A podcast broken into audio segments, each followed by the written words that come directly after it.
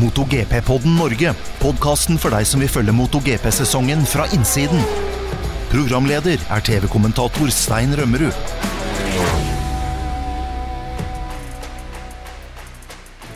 Hei og velkommen til en ny episode av MotoGP-podden Norge. En lang vinter nærmer seg slutten. Det er sesongstart om bare noen få uker, for eh, det braker løs faktisk allerede den 26. mars på Autodromo International de Algarve.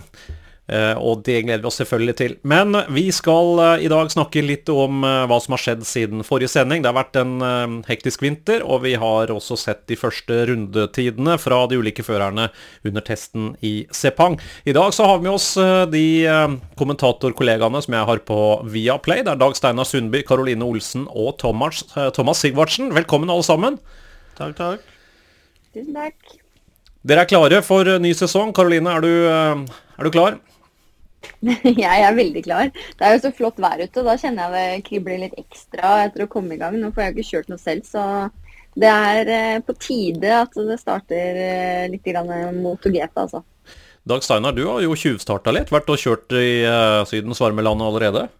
Ja, ja, ja. Vi var på Valencia i helga. Kjørte tre, tre dager, så det var som det burde være, det.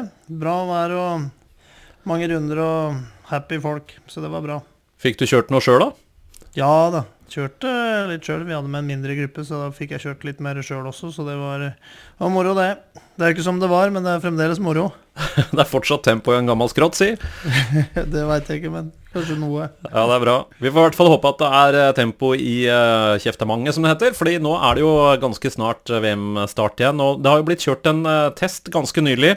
Det var en tre dagers offisiell test på Sepang, og der har vi jo fått en liten forsmak på hva vi har i vente i år.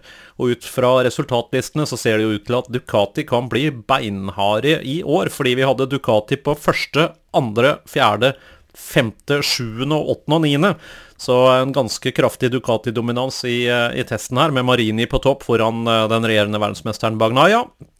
Og eh, vi hadde Bastianini og Martin på fire og fem. Det var bare Vinales på Aprilian som klarte å kile seg inn blant disse fire øverste Ducatiene. Eh, Thomas, hva tror du? Blir det bare Ducati i år? Det kan se sånn ut at de i hvert fall blir tøffe å ha med å gjøre. Men eh, jeg tror nok ikke det bare blir Ducati, forhåpentligvis. Det, det er jo noen andre der òg, men de har fortsatt der de slapp i fjor og gjort en god jobb gjennom vinteren. Så at det, det er sykkelen å slå, det tror jeg ikke det er uh, noe spørsmål om. Man skal jo være litt varsom med å eh, spå for mye ut fra bare en tredagers test, selvfølgelig, før sesongen er i gang for fullt. Eh, men verdensmesteren fra 2021, Fabio Quartararo, helt ned på 17., han er sekundet bak Luca Marini. Det er jo litt, litt avstand der. Karoline, du har jo også fulgt med på disse testene. Hva, hva leser du ut av det vi så i Sepang? Nei, altså Dere har jo nevnt det begge to. Det er jo Ducati som ser utrolig sterke ut. da, Og jeg syns det er urovekkende hvor ekstremt happy Bagnaya var eh, på slutten av dag tre. Hvor han bare gliste fra øre til øre. Um, og jeg tror at det, ehm, det, var mange som hadde en sjanse i fjor, fordi Ducati hadde en såpass røff start på sesongen. Og det at de nå virker å tatt enda et steg foran årets sesong, og at satellittteama sitter på den bra sykkelen Bagnaya avslutta sesongen med i fjor, i tillegg til at 2023-sykkelen ser ut til å ha tatt enda et steg, da, så tror jeg det er Det er klart det hjelper ikke for de andre teamene om de har eh, gjort fremskritt med sine sykler, hvis Ducati fortsetter å gjøre fremskritt, de også.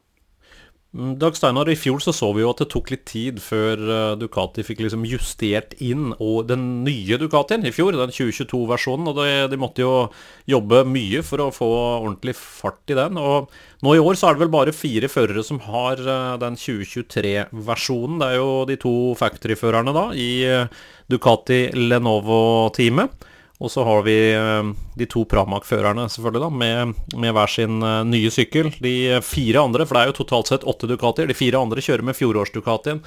Hva, hva, tenker du rundt det? Ja, nei, men nå, nå, ser vi allerede at de, eh, de, kjører så fort med den uh, årets modell. Og det var litt som Karoline sa også, de hadde jo en røff start i fjor med den nye sykkelen, men nå har de jo treffet med en gang, virker det som. Og uh, Det er jo et uh, faresignal for de andre fabrikantene. Vi ser at det, det begynner å snu litt uh, trenden nå fra uh, den japanske dominansen som vi har vært vant til så mange år, over til europeisk dominans. Så ja, jeg tror vel også det er De nye Ducatiene fungerer veldig bra for førerne i de to Ducati Teamet Factory og Pramark. Og så har vi også de Aprilia-syklene også som fungerer veldig bra. Så, eh, så, det blir spennende sånn sett. Ja, Vinales med, med Aprilian var på tredje, og Aleix Espargaro på sjette på disse testene her. Og den tida til Vinales er jo sterk. Han er bare ja, 14, eh, 14 deler fra tida til Luca Marini.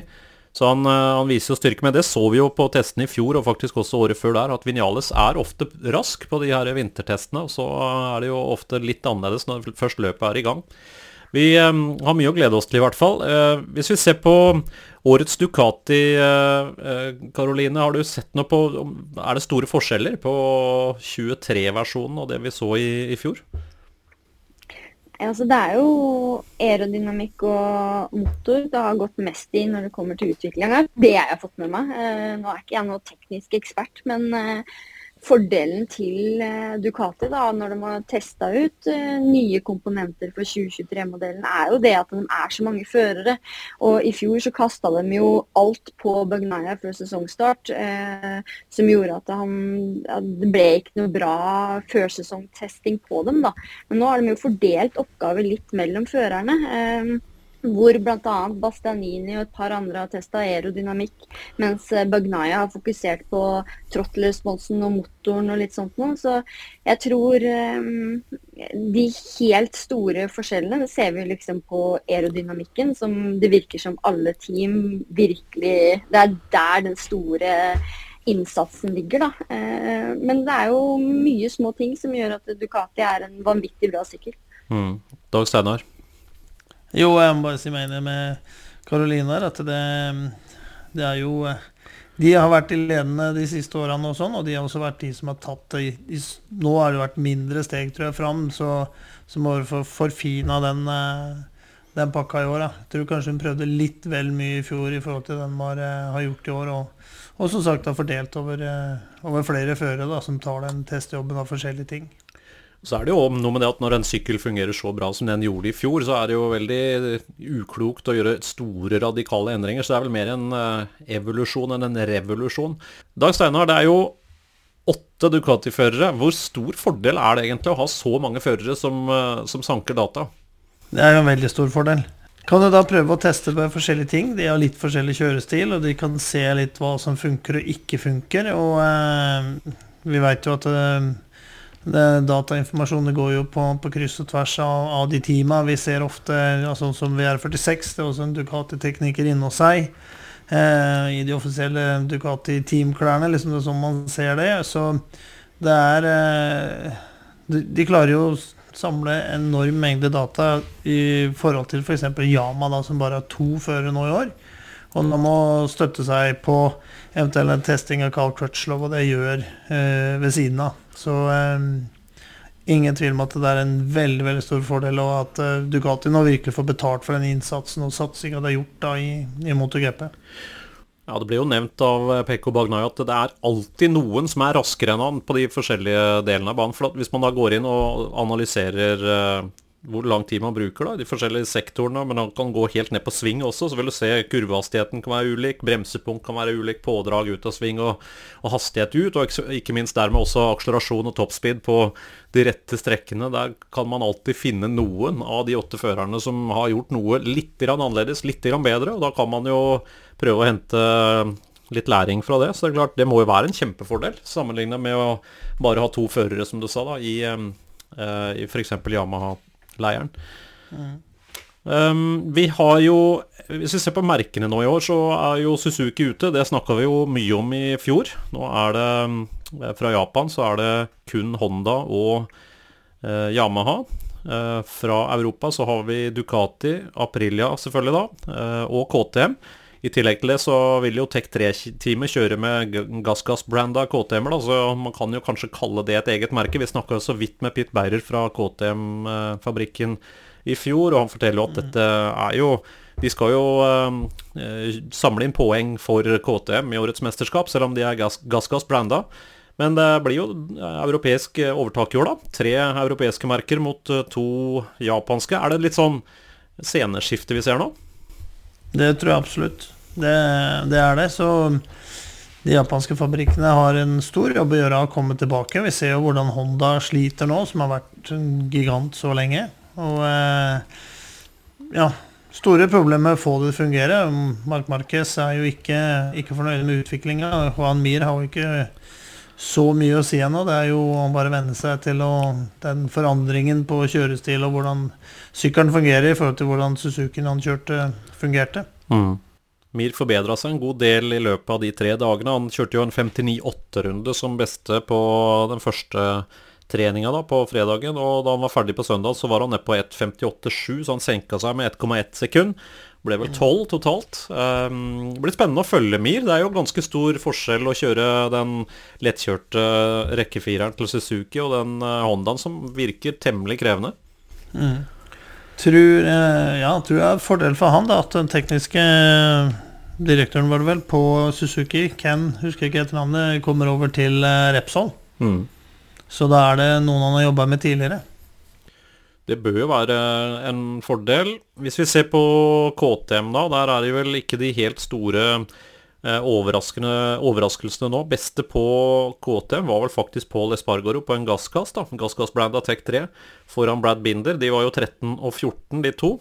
Ja. Så hadde vi Miller på 18. Med, han kjører jo også Factory KTM i år på um, tida 1.58,9. Det er ca. sekunder bak Luca Marini.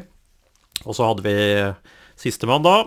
Uh, Augusto Fernandes, som er uh, rookie i årets mesterskap, Kommer jo rett opp fra Moto 2.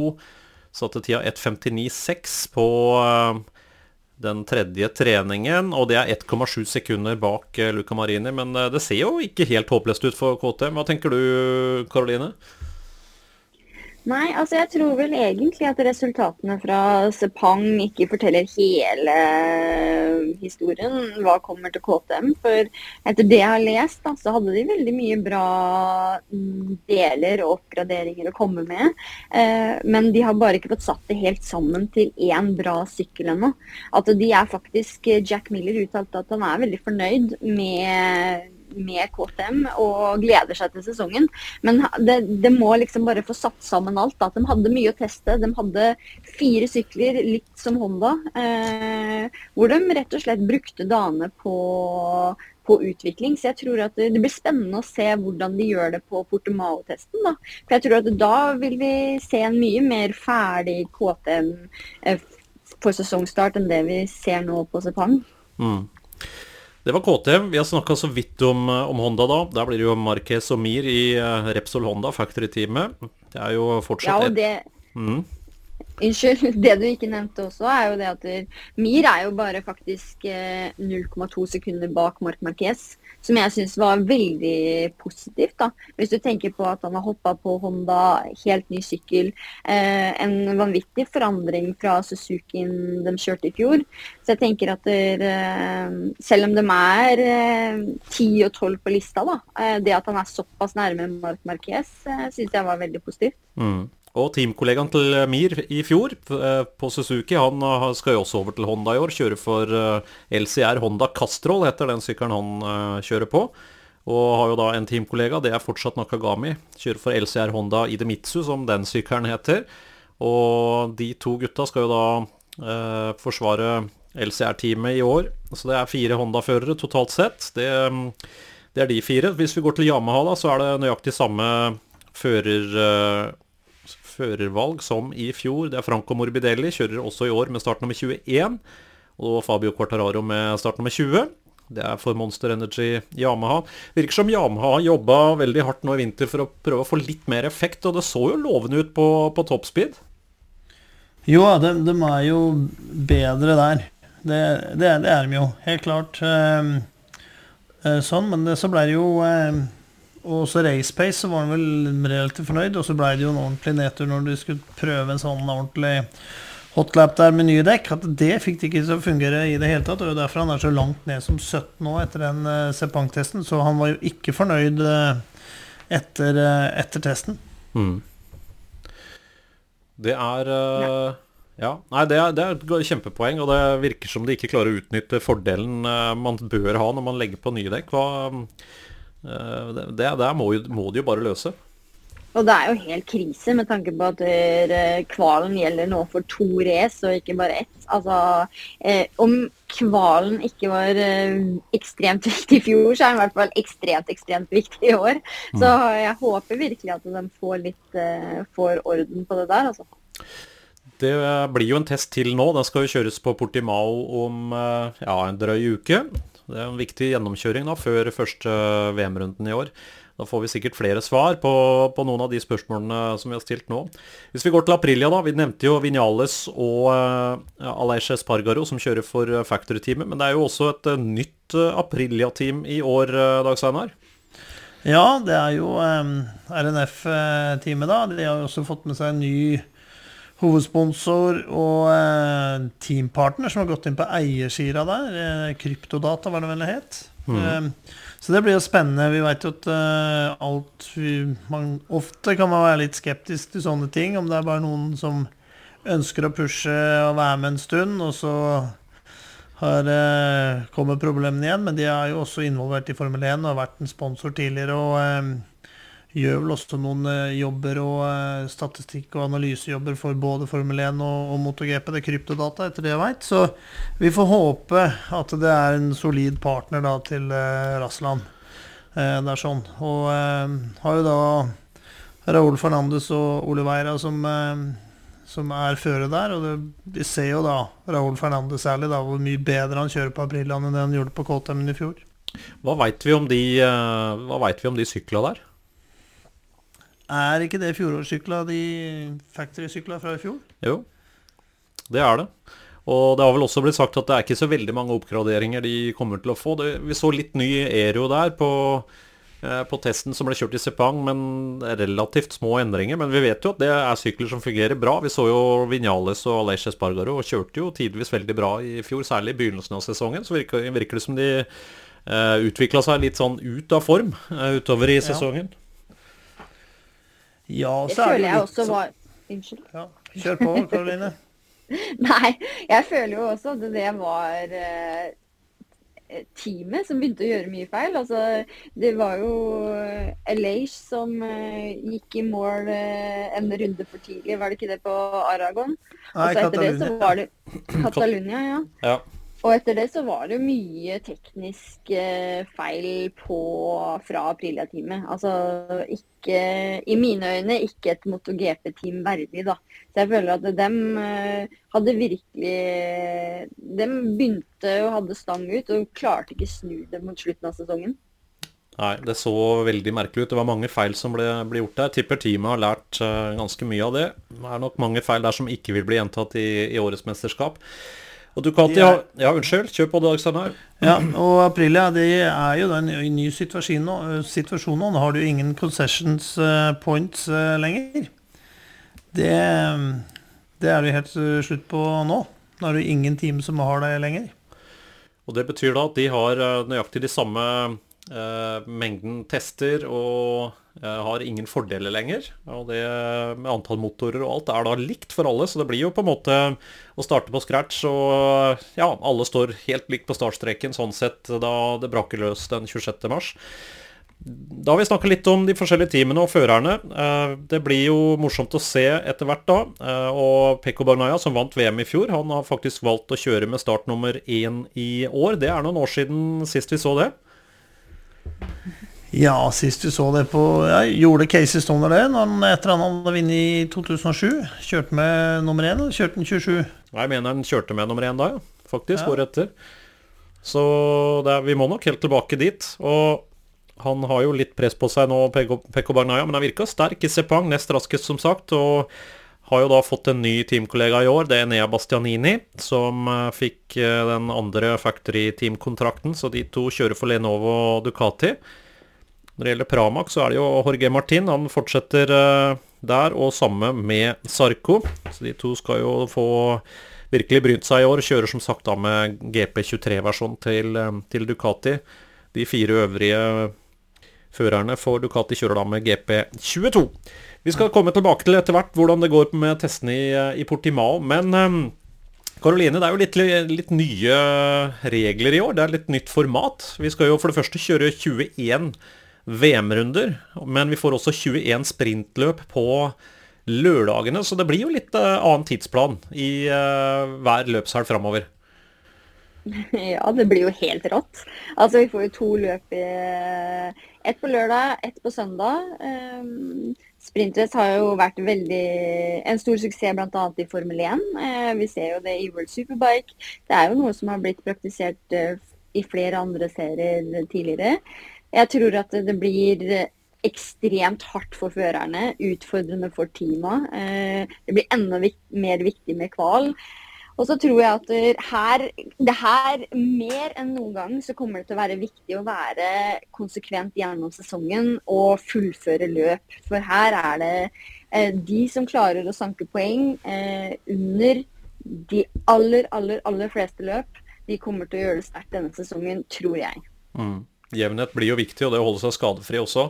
Eh, sprintløpene de kjøres da på, på, lørdag ettermiddag og har halv racedistanse sammenlignet med løpet på søndag. Og det er også halve poeng. Det er 12 poeng for en seier på lørdag, mens det er 25 poeng for en seier på, på søndag. Så det blir jo litt komplisert det hele. Hvis vi skal ta tidsplanen, da, på fredagene så blir det to treninger. Det er trening 1 og trening 2. Sånn er det i um, alle tre klasser. Og det er jo sammenlagtlista fra den som avgjør hvem som skal kjøre kval 1 og kval 2 på, på lørdagen. Så det er, eh, det er, de to treningene. Og det er uh, ja, trening 1 da, i MotoGP. Den varer faktisk i tre kvarter. Og eh, trening 2 i MotoGP den varer en hel time. Så det er, det er ganske lange treninger, de som da kjøres på, på fredagen. Hvis vi blar om til lørdagen og ser hvordan det blir Nå tar jeg tidene for eh, den første VM-runden, som er siste helga i mars. Det er Portimao i Portugal. Da starter det jo med fritrening mot GP. Det er klokka ti over elleve. Det er en halvtime. Varer til sju på tolv. Og Den fritreninga den eh, blir omtrent som FP4 var i fjor. Den har altså ingenting å si for Eh, rekkefølgen med tanke på kvalik og sånne ting. Det er en ren setup-trening, sånn som FP4 var i fjor. Den heter bare free practice eh, nå og kjøres da 11.10 på lørdag formiddag. Så er det kval nummer én i MotoGP. Starter ti minutter senere. Det er 11.50 til 12.05. Det er et kvarter. Og så er det kval 2 fra 12.15 til 12.30. Det er også et kvarter. Så det er akkurat samme setup som det man hadde i, eh, i fjor da. Så blir det jo en liten pause for MotoGP-førerne før sprinten går, da, eller sprintløpet, og det starter klokka fire eh, i den VM-runden fra Portugal, og har da som sagt eh, halve racedistansen. Eh, Dag Steinar, de løpene der, de sprintløpene, halv distanse, eh, hva blir forskjellen egentlig på et sprintløp sammenligna med et vanlig løp? Eh, det er, det er, kortere selvfølgelig, men hva, hva vil vi oppleve? Det er all in. det er eh, all in fra første meter. Det er jo ikke den Det er litt Vi ser jo det da at det også kvalen ville bli mye viktigere enn eh, Eller enda viktigere, hvis vi kan si det sånn, enn den har vært. Mm. Og, eh, og, da med halv racedistans, du har ikke de samme eh, utfordringene med dekka, få de til å holde. Det er bare De, de kan kjøre fullt da i, i de rundene det skal kjøres. Eh, vi, har jo litt sammenligning med World Superbike. De er, det er litt annen uh, action, Enda mer action over de eh, sprintracene, for det blir så mye mer heftig. For ja, det er, det er fullt da i, i, de rundene som skal kjøres. da Fra mm. start til mål. Ikke noe uh, ta vare på dekket eller noen ting, for det, det kommer til å holde de, de rundene. Så det blir veldig intense race, det er helt sikkert. Så det blir mindre taktikkeri med tanke på å ja. bevare dekk, bevare fuel. Her er det bare all in. Bare all in. Ja. Det er maks effekt på alle sykler, full Ikke noe eh, snillere kurver eller noen ting for å vite at du skal komme i mål da, på en tank. Her er det full frislipp, som vi ofte sett før, da, selv med når vi var på Mugello og så på Ducati, da, hvor de, det på kval da, hvordan de kjørte da, hvor du hørte nesten at det var noe forskjell på, på motoren da. Så um, det tror jeg blir veldig heftig race og intense race.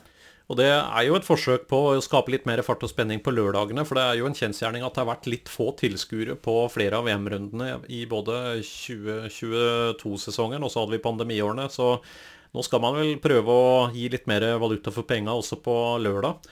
Hva, hva tenker du, Karoline? Bra eller dårlig? Altså, jeg gleder meg som en liten unge. Både til å se på og få muligheten til å kommentere. Jeg tror eh, det blir spennende å se hvordan eh, førerne takler det her. Vi har jo hatt eh, førere som f.eks. Jorge Martin, da, som har vært notorisk bra til å kvalifisere seg godt, men har ikke vært den som kanskje Han har gjort litt feil og har ikke helt holdt hele racet. Han kan jo bli livsfarlig på de lørdagsraca. Og så har vi de som på en måte har klart å være flinkere til å bevare dekk mot slutten av racet, sånn, som ikke får den fordelen lenger. da. Jeg tror det kommer til å mikse opp ting litt mer. Eh, så jeg er kjempegira. Jeg tror det blir kjempespennende. Mm. Jeg er helt enig. Jeg tror det blir uh, veldig morsomt og bra underholdning for uh, både seere og tilskuere som er fysisk på banen. Blant førerne så har det jo vært litt blanda reaksjoner, fordi her er det jo selvfølgelig høyere risiko enn det det var med i fjorårets sesong. I fjor så var det 20 løp, i år så blir det 42 løp, så det er en voldsom økning. Og risikoen for skader er jo absolutt til stede.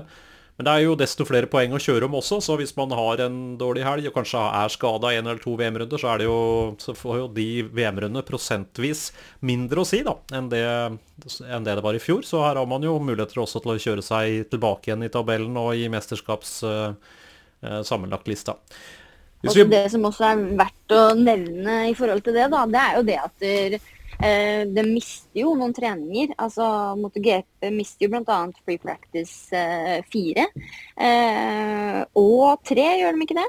Mm. Eh, og det er jo redusert testdager nå i år i forhold til i fjor. Altså fra syv til fem, er det vel? Og det er klart at du skal ha en sykkel som er ganske klar når du kommer på løpshelga. Når du plutselig blir fratatt to treninger og du skal på løp tidligere enn planlagt. Og det er mye for teamet her å sette seg inn i. Og det blir en litt annen taktikk å legge opp frem mot løpshelgen, tror jeg. Og derfor blir jo disse testdagene og neste test på Portomao enda viktigere. da, eh, For å virkelig se hvem er det som er klare for dette, disse sprintracene som kommer til å komme som Hva heter det? Kjerringa på hva heter det? Jeg tror det er omvendt. Kommer som julekvelden på kjerringa. julekvelden på kjerringa. Det var det jeg skulle frem til. Altså, jeg tror, jeg tror, det her blir krevende for både fører og team. Da. Det blir morsomt for oss, men jeg tror det blir, eh, det blir en utfordring for uh, team og førere.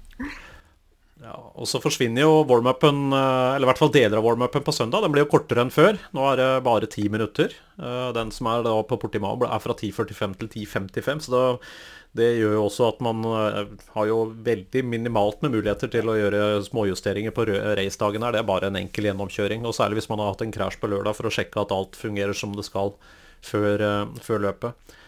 Ehm, det blir jo litt nye eh, løpstider også nå i år. Nå skal vi ta Jeg tar Portugal-tidene. Nå vil det være en time forskjell når man får de europeiske rundene etter hvert. Men Moto 3-løpet starter jo da 12 norsk tid. Moto 2 13.15. Og Moto GP-løpet starter 15.00. Så her blir det litt andre tider å forholde seg til også gjennom sesongen. Men det skal vi selvfølgelig også minne både lytterne og seerne på etter hvert som sesongen setter i gang. Men jeg tror dette blir bra. 21 runder altså. Og 21 sprintløp, 21 vanlige løp. Alt i alt 42 tellende løp som skal uh, gi poeng i årets uh, mesterskap. Og det er halve poeng da for sprintløpene på, på lørdag. Men hva tenker dere om uh, årets kalender? Fordi nå har vi jo som sagt 21 løp. Og det starter i Portugal, på Portimao-banen i Algarve. Det er litt annerledes enn før, for det har jo alltid, i moderne tid så har det alltid vært Qatar. Litt annen start på sesongen i år, Dag Steinar. Litt uvant. Mm. Ja, litt uvant. Eh, at det ikke er Qatar, er jo litt med at det, eh, banen bygges om eller restaureres, eller hva de gjør der. Så at det er arbeid som foregår der, som ikke var ferdig før seinere i sesongen. Men klart, det blir jo litt eh, Det er jo Det blir annerledes. Det er mange, mange år siden en, en kan du si, Grand Prix eller MotoGP-sesong starta i, i Europa. Mm. Det, det, er det. Det var jo Ja, klart, pandemien så var det jo annerledes, men et normalår, da Så vi ser jo da starter Portugal, går videre til Argentina og så USA. Så da eh, Og så eh, bare baller det på videre tilbake inn i Europa da til Jerez da i slutten av april. Mm. Og så går det slag i slag. Nokså lik rekkefølge som det vi har sett før, da, med Le Mans 14. mai. Så er det Mugello i begynnelsen av juni, da, 11. juni. Så er det Saksenring og Assen også i juni. Så er det en uh, ny bane, da. Den 9. juli. Sokol International Racetrack. Hva tenker vi om den? Jeg tror det er litt blanke ark også, Ja. egentlig. Og så se eh, hvordan det fungerer. Det er jo spennende. Det er Kasakhstan. 4,4 km eh, lang. Det er eh, åtte venstresvinger, fem høyresvinger, og vi veit veldig lite om den banen der. De skal kjøre 26 eh, runder da i MotoGP-løpet der. Lengste rettstrekker 750 meter. Eh, Det blir veldig morsomt å se hva, hva den banen i Kasakhstan byr på. Kasakhstan er jo en oljestat og vil jo forsøke å eh, tiltrekke seg mer både internasjonal kapital og, og turister, da sikkert, ved å arrangere den VM-runden. Og Så blir det jo en måneds pause da etter den VM-runden i Kasakhstan. Da er det Silverstone, deretter Østerrike, Catalonia, Misano. Eh, Og så er det nok en ny bane den 24.9. Da er det India med Bud International Circuit. Ja, og det er en bane som er eh, Er ikke helt ny.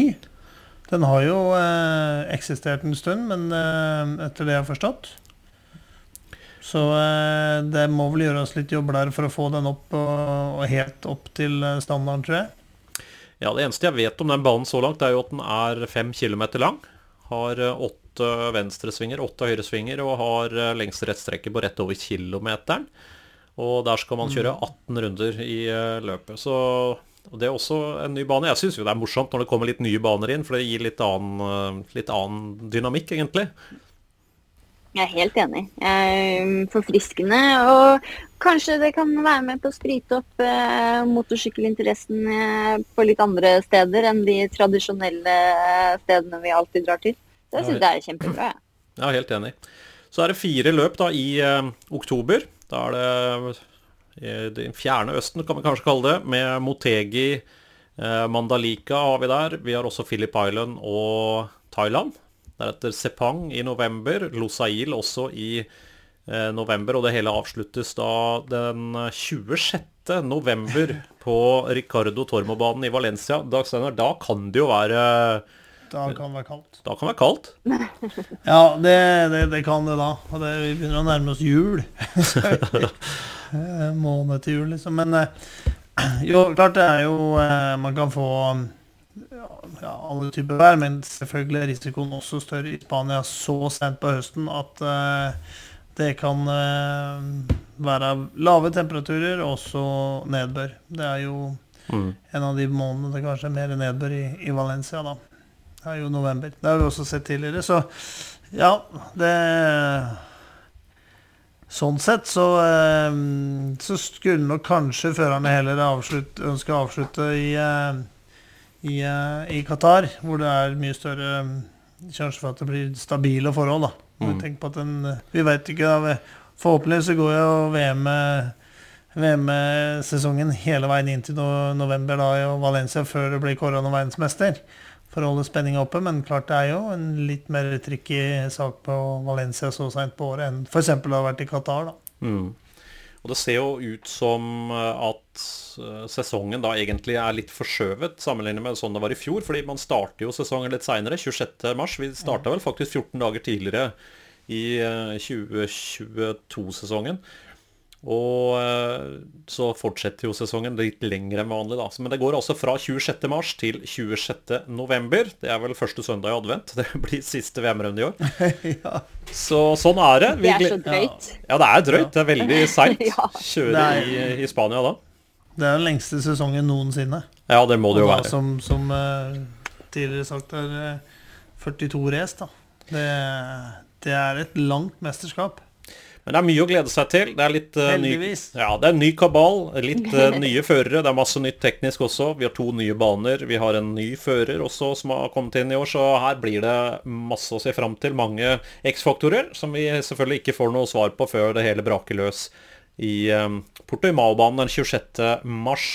Hva gleder du deg mest til, Karoline, i årets mesterskap? Nei, men det blir jo sprintrace.